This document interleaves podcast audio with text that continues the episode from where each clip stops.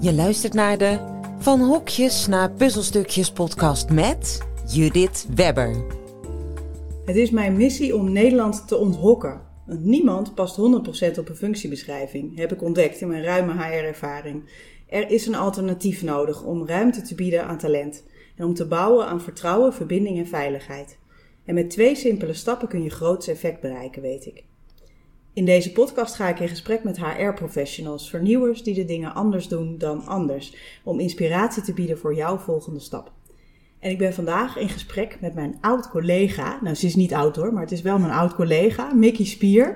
En zij is directeur HR QHSSE bij Securitas. Ik hoop dat ik het goed heb gezegd, want het was een hele mond vol. Ik moest het opschrijven. Heel Welkom, goed. Dank Mickey. je. Dank je. Nou, ehm, eh, ja, we beginnen eigenlijk gewoon meteen van, met, met de vraag: een soort van waarom zit je hier? Wat is jouw relatie eh, met van hokjes naar puzzelstukjes en jouw visie op leiden en organiseren en HR? Wat jij allemaal aan het doen bent, jouw vak. Oh, je begint met een makkelijke vraag ja, meteen. ja, eh, dat doe ik altijd. Ik, ik ga altijd meteen de diepte in. Ja. Ehm, even in een nutshell dan, Ja, want volgens mij nutshell. kunnen we daar hier eh, een hele middag over volpraten. Mijn visie over het inzetten van collega's is dat je het maximale uit collega's moet halen. En Ja. daarbij moet je kijken naar talenten. Te vaak richten wij ons nog op wat mensen mogelijk niet zouden kunnen, Ja. in plaats van wat mensen wel kunnen. Ja. En Triest. uiteraard heb je te maken met functieprofielen, functiebeschrijvingen, maar Mhm. ook in ons geval, hè, we zijn een van de grootste particuliere beveiligingsorganisaties, met verwachtingen die de klant heeft van Mhm. onze collega's. Zeker. Maar dat betekent niet dat er ruimte is voor eigen interpretatie en eigen invulling om te zorgen dat mensen in hun kracht zitten. Mhm. Uiteindelijk geloof ik dat iedereen een visitekaartje is. En Ja. eh, je kunt het beste worden van jezelf. En dat moet je ook gewoon, dat gun ik iedereen ook op de werkvloer. Ja. Want als je er nou van uitgaat dat de gemiddelde co- collega soms vaker op kantoor is, zodat hij zijn partner of zijn kinderen ziet soms. Even de nachten niet meegerekend, maar daadwerkelijk gewoon ziet. Dan is het toch krijg een beeld. sorry. heel fijn, ja. Maar dan is het toch heel fijn als je gewoon kunt doen waar je goed in bent en wat je leuk vindt. Ja. En als je kijkt naar de huidige ontwikkelingen op de arbeidsmarkt, Mhm. zullen wij als werkgevers ook echt fundamenteel anders moeten kijken naar de inzet van resources. Nou, daar ben ik zo blij om dat je dat zegt. En, en met name omdat je zegt als werkgevers. En ik vind het zo fijn dat je dat, je dat zo ook ervaart. Ja, want Ja. uiteindelijk hebben we met elkaar de verantwoordelijkheid voor eh, de inzet van onze mensen. Mhm. En ik geloof heel erg, hè, wij, ik werk nu bij een mensintensief bedrijf, maar of je nou een mensintensief bedrijf bent of een kapitaalintensief bedrijf, Mhm. Uiteindelijk heb je de factor mens. En Ja. de factor mens is niet altijd even voorspelbaar, maar wel Mhm. super leuk en tof om mee te werken. Mhm. En zorg nou dat je hen op hun krachten en hun waarden inzet. Dan Ja. ga je daar enorm veel plezier met elkaar aan beleven. Ja. En ik ben ervan overtuigd dat je uiteindelijk daardoor ook in ons geval beter de klant kunt bedienen. Want Tuurlijk. happy people Ja. leidt ook naar happy customers. Ja, nee. Dus uiteindelijk is dat cirkeltje rond. ja. En zit er spanningsveld op? Uiteraard. Ja. Ja, daar gaan we het ook even over Ja, hebben natuurlijk. Want je kunt niet altijd doen wat je leuk vindt. Nee, hè? Alleen nee, maar doen nee. wat je leuk Niet vindt. alleen maar, nee. nee, nee. Dus- mijn, mijn doel is altijd zoveel mogelijk. Ja, ik denk Ja. dat het een heel goed doel is. En Ja. dat we dat allemaal moeten Ja, nastreven. dat vind ik ook. En ergens zit je altijd in een soort squeeze. Dat Ja. er in je werk altijd iets is. Of Ja. een component is waarvan je zegt, nou... Ja. Nou, alleen ik geloof ook nog wel nog steeds in die 80-20, Ja, precies. 90-10 principe Mhm, waarin het in mhm. balans blijft. En Ja. waardoor je ook elke ochtend weer met plezier opstaat en naar je werk toe gaat. Of elke middag, afhankelijk van welke dienst je draait. Ja, precies. Ja, ja, ja dat, eh, dat verschilt bij, jou, bij dat type werk natuurlijk ook enorm. 24-7. Ja, ja precies, precies.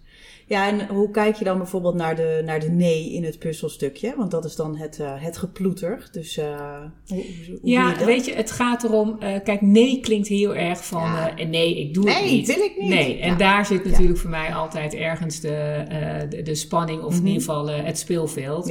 Als je kijkt, hè, daarom geloof ik in complementaire teams. Mhm. En complementaire teams of diverse teams hebben niet alleen maar te maken met wat is je achtergrond, maar ook welke competenties breng je mee. Mhm. Wat zijn je vaardigheden? ja.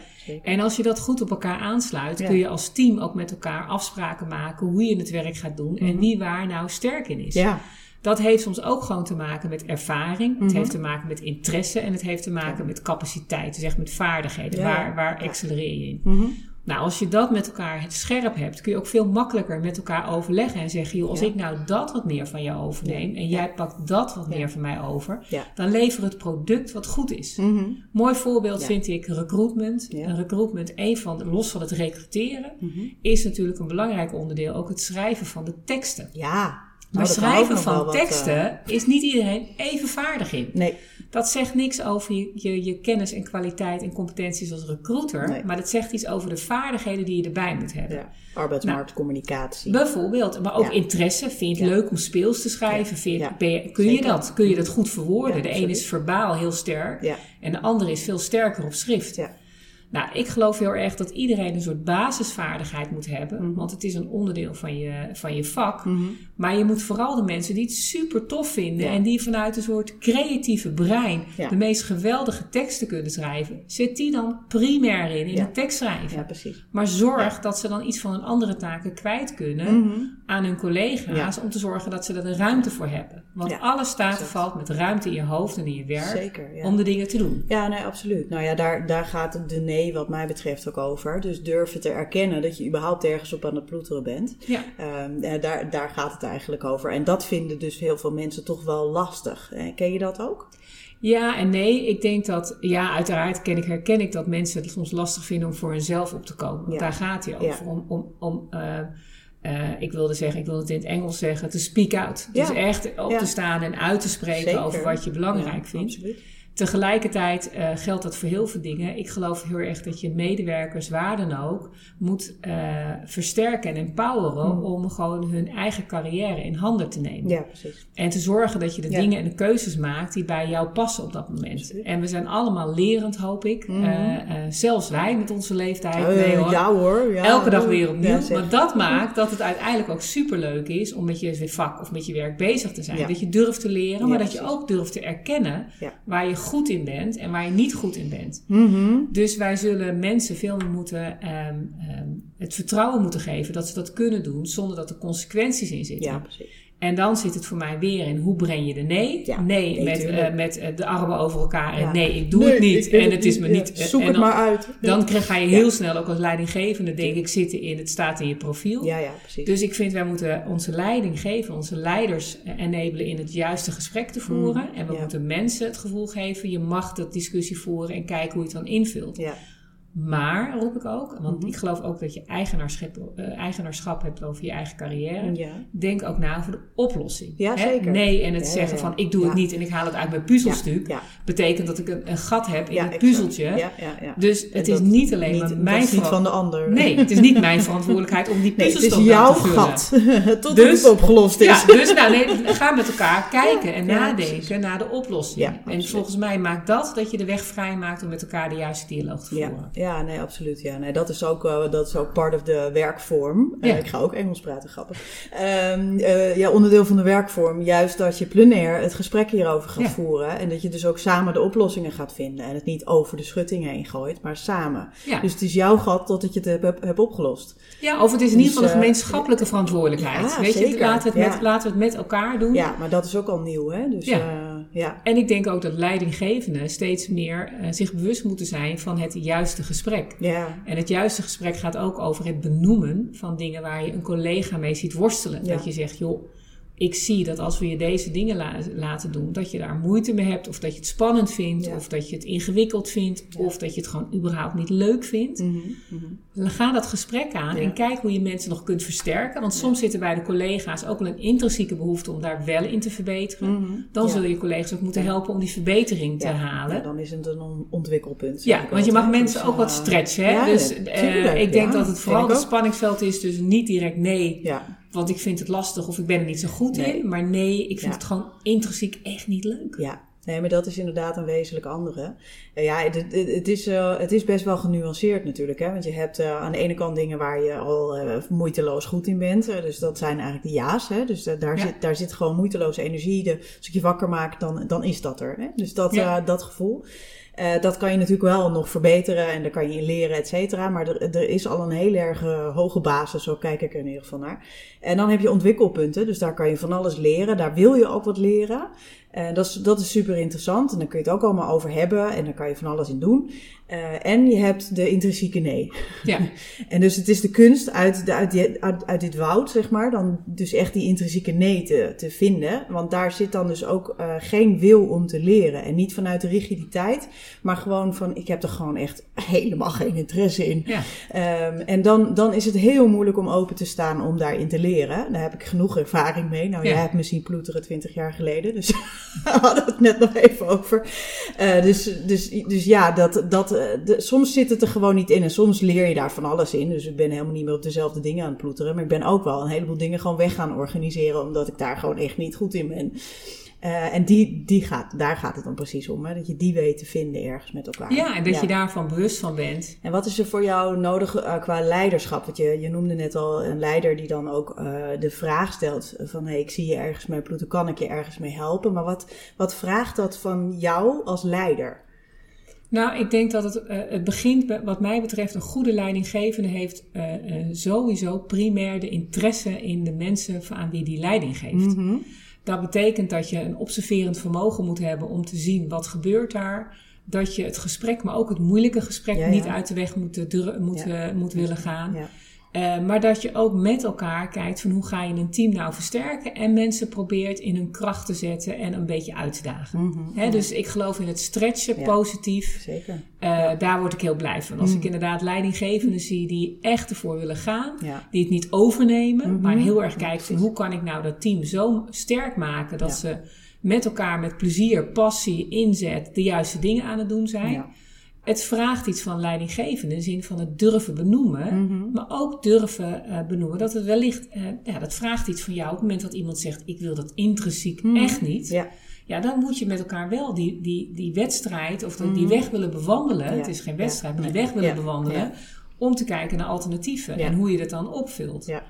En ik denk uh, dat het ook van leidinggevende vraagt dat je steeds kritisch bent op waar zet je de collega's op in. Hè? Mm-hmm. Dus uh, ik denk als er heel veel intrinsieke nee's zijn, ja, ja. dan moet je afvragen of iemand op de juiste plek zit. Zeker, maar en dat dan, zou hij zichzelf ook af mogen vragen. Dat hoop ik. Dus ik hoop ook dat dat Ja. ook steeds meer. Hè? Want uiteindelijk vind ik primair begint het bij, de, Bij bij jezelf. bij jezelf. Ja, en secundair gaat de leidinggevende ondersteunen. Meehelpen, ja, nee, mee eens hoor. Ja. Dus ik denk, wat vraagt het? Nou, een observerend vermogen. ja, en interesse zei je als eerste. Ja. En uh, dat is wel een interessante, want ik ben, ja, ik ben zelf in mijn loopbaan als HR-adviseur wel heel veel leidinggevenden tegengekomen die eigenlijk, als ik diep in, uh, in hun hart keek, en dat legden ze nog wel eens op tafel, uh, dat ze eigenlijk niet zo geïnteresseerd waren. Dus dat ze het eigenlijk vooral heel lastig vonden, al die medewerkers met al hun uh, problemen en gedoe. Ken je dat ook toevallig? Nou ja, weet je, kijk, het, uh, uh, het uh, bekende spreekwoord is natuurlijk niks voor niks. We mm -hmm. wensen je veel personeel toe. Mm -hmm. Ja, de Peter dus, Principle en zo. Oh ja, je kunt ja. aan je max van je kunnen zitten. Ja, er zijn precies. mensen die zijn doorgegroeid op basis van anciëniteit, Ja. niet op basis van competenties. Ja. Dat Tegelijkertijd. Is dat, is dat in, uh, in organisaties waar jij gewerkt hebt ook veel aan de Nou, veel vind ik een groot woord. Ja, want ja. ik denk uiteindelijk. Uh, geregeld. Uh, nou, ook geregeld vind ik nog, vind ik nog best stevig. Want ik denk. We komen ze tegen, Ja. maar ik zie ook wel steeds meer dat in de huidige arbeidsmarkt en de, de, ook de collega's op werkvloeren, Mhm. waar dan ook, worden steeds mondiger, Ja. weten steeds beter wat ze zelf en, en wel of niet willen. Dus ik geloof uh, oprecht Dus dat het is mijn... aan het kenteren. Nou, ik geloof dat. En ik geloof ook dat uh, het vooral een spanningsveld is tussen tijd hebben Mhm. om daadwerkelijk te observeren, de interesse te tonen, te kijken en het gesprek te voeren. Mhm. Versus de werkdruk die ook vaak op, uh, op werkvloeren heerst. Ja. En wat er dan gebeurt, is als de werkvloer te hoog wordt, en is niks menselijk en ieder vreemd, Mhm. dan ga je kijken naar de toppers en de tobbers. Ja. Want, en dan misschien nog het meest naar de tobbers. Ja. En dat is allemaal Ja. heel ingewikkeld, want eigenlijk heb je daar de tijd niet voor. Nee. Terwijl als je de tijd ervoor neemt, je waarschijnlijk mensen wel op een ander ja, niveau nou, kunt dat brengen. is wel leuk, ja, want dat, dat ben ik ook wel heel geregeld tegengekomen. En dan, dan ontstaat vrij snel het idee, nou de tobbers, daar moeten we dan maar vanaf. Hè? Dus dat, eh, de, de, ik, de term rotte appels is eh, geregeld langsgekomen in, eh, bij, eh, bij bedrijven waar ik werkte. Wat ik overigens vreselijk vond. Eh, alsof je mensen eh, zo bekijkt. Eh, ik, vond dat al, ik denk dan alleen maar, dat is iemand die kennelijk niet tot zijn recht komt op die plek. Mhm. En meer dacht ik er niet over, maar om er een stempeltje rotte appel erop te zetten. Ehm, maar inderdaad, uit tijdgebrek komt dat vrij makkelijk omhoog. Dat je dan denkt, nou, die moeten maar weg. In plaats van gaan kijken, wat is hier nou aan de hand en hoe kunnen we dit eh, met elkaar liften. Dus maar dat, dat herken jij. Nou dus dat ja, is dan denk- eigenlijk vooral tijdgebrek. Dus dat, Het, eh, nou, nee, het is een en-en. Dus Ja. ik denk nogmaals dat er, dat ik geloof nog steeds dat, eh, en misschien ben ik daar altijd een beetje, blijf ik bewust naïef, roep ik erin. ik geloof nog steeds dat iedereen op de werkvloer doet eh, en de intentie heeft om te doen waarvoor die, voor, waarvoor die besteld is. Ja. Laten we daar nou van uitgaan. ja, ja. Ik geloof dat Nou, dat ene... is al een hele mooie hoor. Weet je, dat, dat, dat, dat zou mooi zijn als iedereen dat, eh, daarvan uitging. Ja, niet? maar goed, laten we met elkaar Laten beginnen. we dat, eh, ja, Ja. zeker. Ik ga er ook altijd vanuit. Ja, dus zeker. Ik, ook met onze leidinggevende.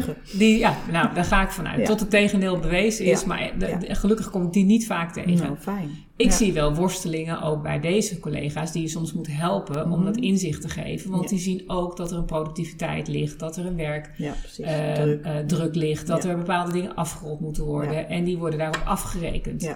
Dus als je met elkaar wat meer af kunt stappen van het afrekencultuur, maar kunt kijken van hoe versterk je organisaties, hoe versterk je medewerkers, hoe zorg je dat ze goed ingezet worden, dan heb je de helft gewonnen. Dan nog zul je altijd ook met leidinggevenden in gesprek moeten gaan. Heb je de rol gepakt omdat dit eh, een ja, volgende normale, reguliere, vanzelfsprekende stap was? Mhm, mhm. Of ben je leidinggevende Ja. geworden omdat je het echt heel leuk vindt? ja, of en wil wil je het leren, weet je. beste uit mensen halen? En, en word je daardoor wakker en denk je, ja, tuurlijk, één dag is leuker dan de ander, maar Mhm. we gaan het met elkaar doen. Ja. Nou, als dat het geval is, dan Ja. moeten we je helpen. Ja. Maar je moet soms ook eerlijk zijn. Als het niet het geval is, moeten we kijken naar wat bij jou wel past. Ja, precies. Ja. Ja, maar ik geloof dat, het mooi gros zijn. echt er wel Ja. zit om Ja. eh, het goed te willen doen. Nou, dat sowieso. Eh, da- daar ga ik ook altijd van uit. Eh, alleen, er zijn gewoon nog best wel veel dingen omheen die het best lastig maken voor mensen om gewoon hardop te roepen: ja, de managementrol ligt me toch niet helemaal. Dus de, de, de maatschappij, wat wij natuurlijk ook zelf zijn, dus eh, daarom begin ik ook altijd gewoon bij Ja. mezelf, ehm, ja, is nog niet helemaal zo ingericht ja, dat, dat het helemaal normaal is dat je dat gewoon makkelijk zegt op een verjaardag of zo. Ik zou het heel tof vinden als het wel normaal werd.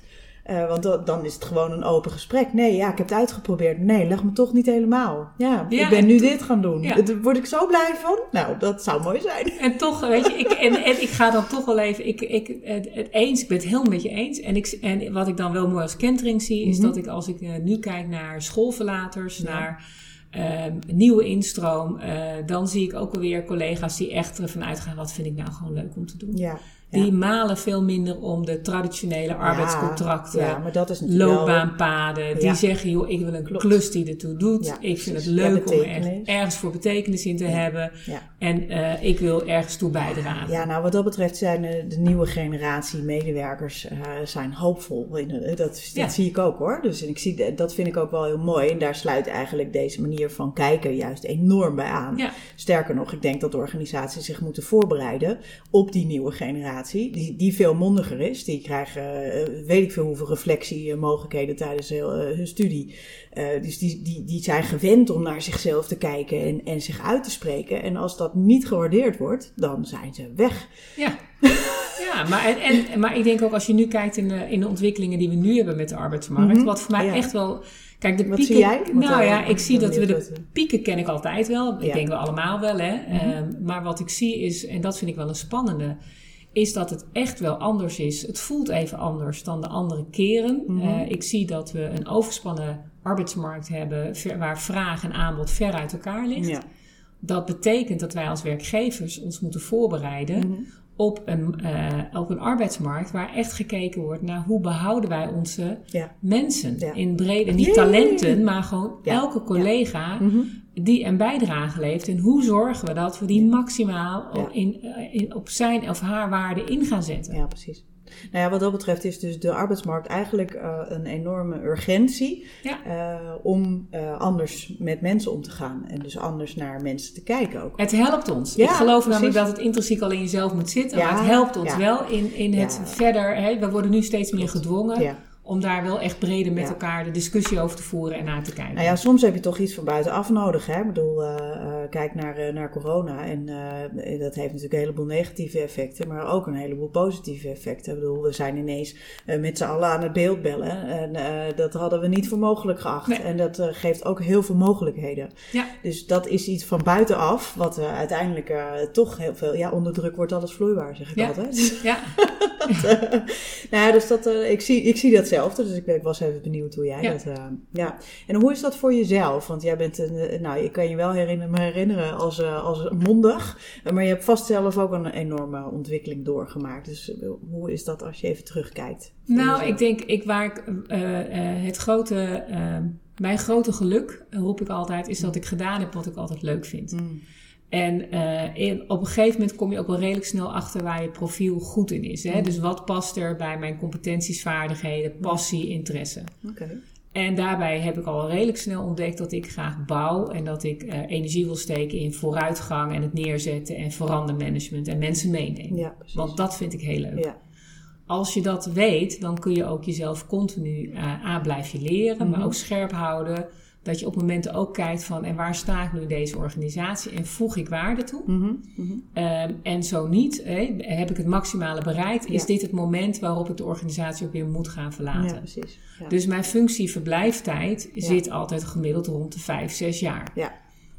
En Dat vind ik al heel lang. Voor mij geen, ja, nee, maar voor mij, en voor anderen weer heel kort. Ja, precies. Dus, En eh, voor mij relatief. ook geen wet, maar meer Nee. van dan is meestal de klus klaar Ja, zoals ja. ik heb, waarvoor ik ben besteld. Ja, ja, ja. Als je dat kunt doen, dan blijf je ook continu wel heel erg bij jezelf Ja. en, en bij je eigen authenticiteit en je Mhm. waarden. En dan doe je eigenlijk in die 80, 90, Ja. 20, 10 principes, Ja. ben ik het grotendeel van mijn tijd, ben ik gewoon kwijt aan dingen Ja. die ik oprecht leuk vind. Ja, precies. Ja. En eh, als ik zie dat daar een kentering in komt, dat ik op de toko moet passen, Ja. of omdat het huis staat en we de spiegeltjes en de kraaltjes gaan hangen waar ik niet zo goed in ben, Ja, ja, ja. dan moet iemand anders vooral verder gaan uitbouwen. ja. En dan moet je ook gewoon pas op de plaat maken en weer ruimte geven aan mensen die daar goed in zijn. True. Dus voor mezelf is het heel erg een soort ontdekkingsreis. En eigenlijk moet ik zeggen, gaat het ja, weet je, in de blink of een is natuurlijk, eh, gaan de jaren voorbij Zijn er zomaar 20 jaar voorbij? zijn er zomaar 20 jaar voorbij. Eh, maar kan ik nog steeds terugkijken bij alle werkgevers waar ik gewerkt heb, dat ik dat met alle plezier, passie, inzet en, en nou ja, eh, het best naar mijn kunnen ook heb gedaan. Dus Ja. ik kijk met heel veel dankbaarheid en plezier terug Ja. en ook vooruit. Ja. En blijven leren. Ja, precies. En heb je dat meegekregen of is dat iets wat, eh, wat echt uit jezelf vandaan komt? Heb je daar een voorbeeld in gehad? Nee, ik denk dat voor een gedeelte dat echt heel erg intrinsiek vanuit mezelf Mm. komt. De dingen doen en ook vanuit natuurlijk je opvoeding. Hè? Dus doe Ja. vooral wat je leuk vindt. Ja, dat heb je wel meegekregen. Jazeker, want ja. daar word je happy van. En als Ja. jij happy bent, wordt je omgeving ook happy. Hè? Dat is een beetje Oh, de filosofie. Ja, nee. Ik, ik- Maak ik de wereld een beetje mooier. Ja, dat Eh, roep ik zelf ook, maar ik had, eh, ik had niet, niet zozeer ouders die dat riepen. Dus dat, eh daar konden dat- ze ook niks aan doen hoor. Maar Nee. dat, Nee, dat riepen ze niet. Nou, ja, maar ik moet zeggen, ik heb het wel meege- ik heb dat heel erg meegekregen. Terwijl het vanuit eh, mijn ouders ook wel het feit dat je natuurlijk zo vaak switcht van werkgever vinden. Mhm. Ja. zijn een hele spannende. Want Ja, je hebt het toch naar je zin. Ja, zeker. Ik heb het enorm naar mijn zin. ja. En maar waarom ga je weg? Ja, omdat de klus klaar is.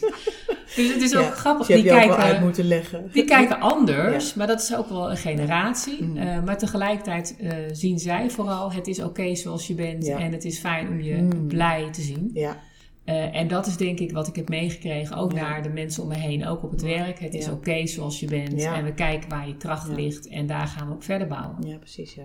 ja, bij mij is dat, ik probeer eventjes, dat, ge- dat gebeurt dan automatisch als je dat zo zit, zit te vertellen.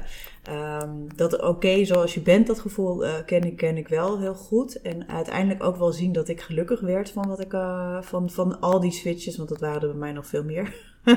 12 in 12 jaar tijd. En toen ondernemerschap, en dat is redelijk stabiel in de zin van, eh, het Ja. is nog steeds hetzelfde bedrijf. dat wel. Ja. Ehm, maar ja, dat, dat is wel iets wat gegroeid is uiteindelijk bij hun. Dus dat is, dat is ook eh, naarmate het gegroeid is in mij, die stevigheid. Van dit is echt goed en eh, ik stap elke keer eruit omdat dat goed is. ehm, is dat ook bij hun gegroeid. Dus erg, dat heeft natuurlijk ook wel met elkaar te maken. Nou, het is een wisselwerking, Ja. denk ik. Ja, precies. Ja, mooi, mooi. Maar En, hoe eh, gaaf is dat als je dat dan ook kunt doen voor je collega's op het werk? Ja. Hè? Doordat je er zo in zit Ja. en doordat je er zo ja. naar kijkt. Ja, ik gun iedereen zo'n eh, HR-directeur. Maakt, nou dat weet ik niet, maar het maakt dat je, dat, ik weet niet of ze het daarmee eens zijn, maar dat, dat maakt wel zal, dat, het, zal het hun even vragen. nee, maar het maakt dat je eh, relaxer in de wedstrijd staat en dat je mensen ook wel hun eigen ontdekkingsreis Eh, gunt. Ja. En dat is denk ik Ja. wat ik het allerbelangrijkste vind. Iedereen heeft zijn eigen reis. Mhm, zeker. En het is mooi als je een stukje mee mag lopen. Ja. En het is mooi als je daar een bijdrage kunt leveren. Ehm, en het is mooi als je mensen daarin hun reis van hun leven kunt geven. Mm. Dat is wat ik eh, eh, het alle werkende mensen gun. Want uiteindelijk, nou, nogmaals, zit je daar een groot gedeelte van je tijd. Ja, nee, eh, soms inderdaad meer dan thuis. Dus, eh, Ja. dus ja, relaties wat dat betreft, eh, werkrelaties worden wel eens onderschat, vind ik persoonlijk. Terwijl ja, het zo- zo'n groot deel uitmaakt eigenlijk van je, van je week, van je leven dus ook. Dus hoezo is dat dan niet belangrijk? Dus ik hoor wel geregeld dat er allerlei onderwerpen bijvoorbeeld dan op de plank blijven liggen. Die zijn dan ergens geparkeerd. Zo van, nou ja, ach, dat, eh, dat is dan volwassen of zo om daarmee om te gaan. eh, dan dat je het niet bespreekt. Nou ja, zo belangrijk is het nou ook weer niet. Maar dat het, dat het ergens dan toch eh, later onderhuids wel een rol speelt in hoe je met elkaar omgaat. Dus, dus dat is natuurlijk net als in privérelaties. Ik bedoel, dat is helemaal niet anders. Nee, nee maar het, het, het is ook denk ik grotendeels hetzelfde Ja. uiteindelijk. Alleen je hebt, ik roep altijd, eh, je hebt verschillende families. Je hebt een, eh, een Ja. familie waar je eh, nou, vandaan komt Mhm. met vrienden. Hè, de cirkel die heel belangrijk is en die heel veilig is, hoop ik. En waar je plezier hebt en liefde hebt. En waar je je thuis voelt. Maar je hebt ook nog een andere familie, je tweede familie. Mm. En dat is je werkfamilie. En dat is anders. Ik Ja. bedoel, ik, het is niet Tuurlijk. vergelijkbaar. Maar tegelijkertijd hoop ik altijd dat als bij de wer- werkgevers waar ik een bijdrage aan lever, dat ik een onderdeel ben van die familie. Mm. Mooi Voor een tijdje. Dat Ja, ik een tijdje meeloop en dat Ja. ik mensen ook het warme welkom kan geven. En een veilige werkomgeving waarin je met plezier kunt werken en waar je de erkenning en waardering krijgt. Ja, mooi, mooi. Nou, dat, eh, dat gun ik ook iedereen dan, zo'n familie. Dat lijkt me heel mooi. En, eh, ik, en nou, ik hoop dat er meer werkgevers eh, zijn die luisteren en denken... oh, dat, moet ik, dat heb ik te doen. Een familie creëren. En sommigen zijn er heel goed in, hè? En misschien wel beter dan wat wij zijn. dus ook wij zijn lerend. Ja, ja. Maar ik denk wel dat dat uiteindelijk het onderscheid maakt in waarom je erbij wil horen of niet. ja, precies. En waarom je erbij wil blijven Ja, ook. nou hè? en dat vooral, ja. Hmm, ja. Dat is natuurlijk wel een hele interessante. Ja. En dan eh, hopelijk dat er mensen zijn die dan wat langer daar blijven dan, eh, dan, dan ik in ieder geval. dus Ja, ja, en, en, en dat ook, is wel prettig. ja, en ook daarin zie je heel veel verschillen. Hè. Wij hebben natuurlijk Ja. collega's die echt sinds jaren bij ons werken Ja. en super waardevolle bijdrages leveren. Ja. En ik vind het echt de iconen hè, Ja, de, ja. De, de, van, de, van de familie. Ja, Eh, en vervolgens heb je mensen die lopen een paar jaar met je mee. Ja. En eigenlijk is alles oké. ja nou, dat is fijn. Ja.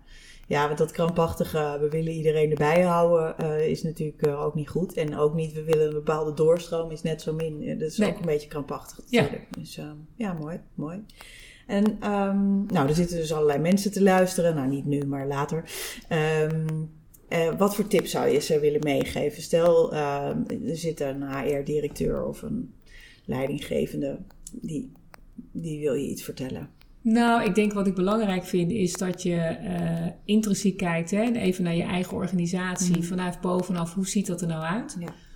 Waar gaat het goed? Waar hebben we in de cultuur, want het begint vaak ook met de cultuur, nog Zeker. stappen te zetten. Ja, Ehm, en het begint bij jezelf, ik Mhm, altijd. mhm, Dus, ehm, eh, dus als je wil dat je eh, in de organisatie ander gedrag vertoont, dan begint die, wat mij betreft, echt bij jezelf. ja, ja. Door te laten zien, door het voorbeeld te laten zijn, door erover te praten, door dingen bespreekbaar te maken. Ja. Durf te kijken naar je leidinggevende laag. Van wat moet ik doen om ze te empoweren, dus nog te versterken om het goede gesprek met elkaar te voeren. Ja, ja. En durf dingen ook bespreekbaar te maken. Ook in plenaire sessies, Mm. in momenten dat je de groepen eh, bij elkaar hebt, toespreekt. Wat voor communicatiekanalen je ook hebt. Mm, Ehm, en wees ook, durf ook ehm, kwetsbaar te zijn Mm. over de dingen die niet goed gaan. Of die wellicht ook ja, best wel lastig zijn. Omdat je te maken hebt met werkprocessen. Weet je, wij hebben heel erg de neiging om een kant-en-klare oplossing te bieden. met, eh, met een strik erom te overhandigen en te zeggen: zo gaan we het doen. Ja. Terwijl als je de dialoog opzoekt en Mm. ook aan mensen vraagt en collega's vraagt in het bedrijf: jongens, wat moeten we anders doen en hoe moeten we het anders doen? Er zit zoveel kennis en ervaring. Ja, heb, kom met voorstellen. Dan zie je dat er heel veel eh, ideeën komen. Ja, eh, en die zijn vaak veel waardevoller dan wat in onze dat wat je allemaal zit. kan bedenken van Ja. een afstandje. Ja, Ja, ja, absoluut. Ja, ja dus eh, ik heb een heleboel keren bespreekbaar maken in ieder geval gehoord in je verhaal. Nou, daar ben ik natuurlijk roerend mee eens. Dus mijn slogan is openheid als route naar verandering. ja, Eh, dus ja, inderdaad, bespreekbaar maken. En zelf het goede voorbeeld zijn is natuurlijk essentieel. Ik bedoel, ehm, ik vergelijk ook wel eens leidinggevenden met eh, ouders. Hè, dus als je kinderen hebt, die kijken ook naar wat jij aan het doen bent. Ja. En dat gebeurt eigenlijk in de organisatie net zo. ja. Dus die kijken ook wat jij aan het doen bent. Dus wil jij dat, dat er een andere cultuur, een andere manier van met elkaar omgaan ontstaat, dan mag je zelf eh, laten zien hoe dan. Ja, en ik denk ook, ook bij je eigen kinderen, tenminste, eh, Mm. laat ik het dan, eh, ik ben absoluut geen eh eh, Modelmoeder. Nee, alles behalve. we zijn allemaal geen model, toch? Maar nou ja, We dus doen ons best. We doen ons best. Ik heb geen handleiding gekregen, dus ik doe mijn nee, ik best. ook niet. Nee. Maar wat ik wel probeer te doen, is af en toe ook wel de kwetsbaarheid te laten zien. Van joh, ik weet het gewoon even Oh niet. ja, dat heb ik zo vaak gezegd. De- Ja. oh, en als ik het fout Ja. heb gedaan nadien, omdat ik Ja. me heb laten leiden door Mhm. Emoties Ja, of, of eh, aannames of vooringenomenheid of verwachtingen, Mhm, om dat mhm. ook uit te spreken. En waardoor je een andere dialoog krijgt. En nogmaals, hè, die van mij zijn 21 en 18, dus ik heb ook een andere fase in het leven van eh vervul ik in mijn Inmiddels, leven. inmiddels, ja. Ja, maar je, het is juist die kwetsbaarheid, die mag je ook laten zien in je organisatie. Ja, ja. Het hoeft niet perfect te zijn. Nee. Echt niet. Nee, want dat, dat idee eh, hebben we dan op een of andere manier allemaal. Hè? Dus Ja. dat, eh, ja, ik vind dat ook wel heel boeiend. Nou, mijn eerste boek heette Laat jezelf zien, dus ik ben pro-kwetsbaarheid. Ja, Nee, dat, eh, heel veel mensen hebben dat opgevat als zichtbaarheid, maar het ging eigenlijk over kwetsbaarheid. ja. Dus eh, durf, durf wat van jezelf te laten zien en in te brengen. En daarmee, ja, daarmee leg je eigenlijk de verbinding ook. Hè? ja. Uiteindelijk is dat waardoor je menselijk wordt en Ja. eh, in, in, echt in contact komt met, Ja. eh, eh, met collega's. Alles leuker van. Ja, zeker. Zeker. Nou, we gaan een beetje richting de afronding. En ik vind het altijd leuk om te horen wat er voor jou blijft plakken van dit gesprek, wat je mee naar huis neemt. Nou, ik denk dat we een mooi gesprek hebben gehad over het feit dat je ehm, de collega's uiteindelijk weer, uiteindelijk weer centraal, eh, of Mm. uiteindelijk gewoon überhaupt centraal moet zetten in hun kennis en kunde en Ja. kwaliteiten. Ja. En dat wij met elkaar niet moeten, eh, dus dat blijft me blijft plakken, dat je niet moet denken in onmogelijkheden, Mm. maar in mogelijkheden. Ja. Dus durf ehm erboven te hangen, even te kijken en, en kijk niet naar die beren, want die beren die zitten altijd wel op de weg. Ja, precies. En die zijn soms heel aaibaar. Ja. En soms zijn ze heel gemeen. En dan kun je best, daar kun je best mee dealen. Maar kijk vooral naar wat is er dan wel? En hoe kunnen we het dan wel inrichten? En wat zouden dan mogelijkheden zijn? Ja. En durf creatief te zijn. Dat is me een beetje bijgebleven van dit gesprek. Nou, nou, dat is een hele hoop. dat is mooi. Ik stel mezelf die vraag ook altijd even, omdat ik ook graag leer van elk gesprek. En eh, ja, wat bij mij blijft plakken is de werkfamilie. Dus de verschillende families, zoals je ze benoemt. En dat voelt heel warm. Dus eh, als, we, als we met elkaar eh, in deze hele beweging eh, ook maar iets van die warmte kunnen uitstralen en, en overdragen, dan word ik al heel erg blij. En we kunnen het in ieder geval zelf doen. Zeker. En misschien nog één aanvulling daarop. Want Ja, dat is denk ik het belangrijkste. Ik roep altijd tegen iedereen, we hebben een arbeidscontract. Dat is een papiertje. Mhm. Dat is een, juridische verbintenis. Ja. Welk contract ik veel belangrijk vind, is het psychologische contract welke ik heb met de collega's. Hmm. Want Kijk. ben je in of ben je uit? Ja, En wat heb je nodig om in te zijn? Ja. Want dat contract, Ja. die, als die verbreekt veel eerder dan het juridische contract. Mhm. Maar de gevolgen zijn veel groter. Ja, mooie, mooie term. Die kende ik nog niet. Nou, dus nu iets nieuws wat blijft plakken. nu blijft dit plakken. Ik zeg niks meer. Nou, we kunnen volgens mij nog wel even doorgaan, maar dat is eigenlijk meestal zo. Het is veel te leuk. Maar toch, ja, we houden het er toch bij. Dus dank je wel voor al je input en, eh, en inspiratie, Mickey. Graag gedaan. Wil je hier meer van? Abonneer. Tot volgende week.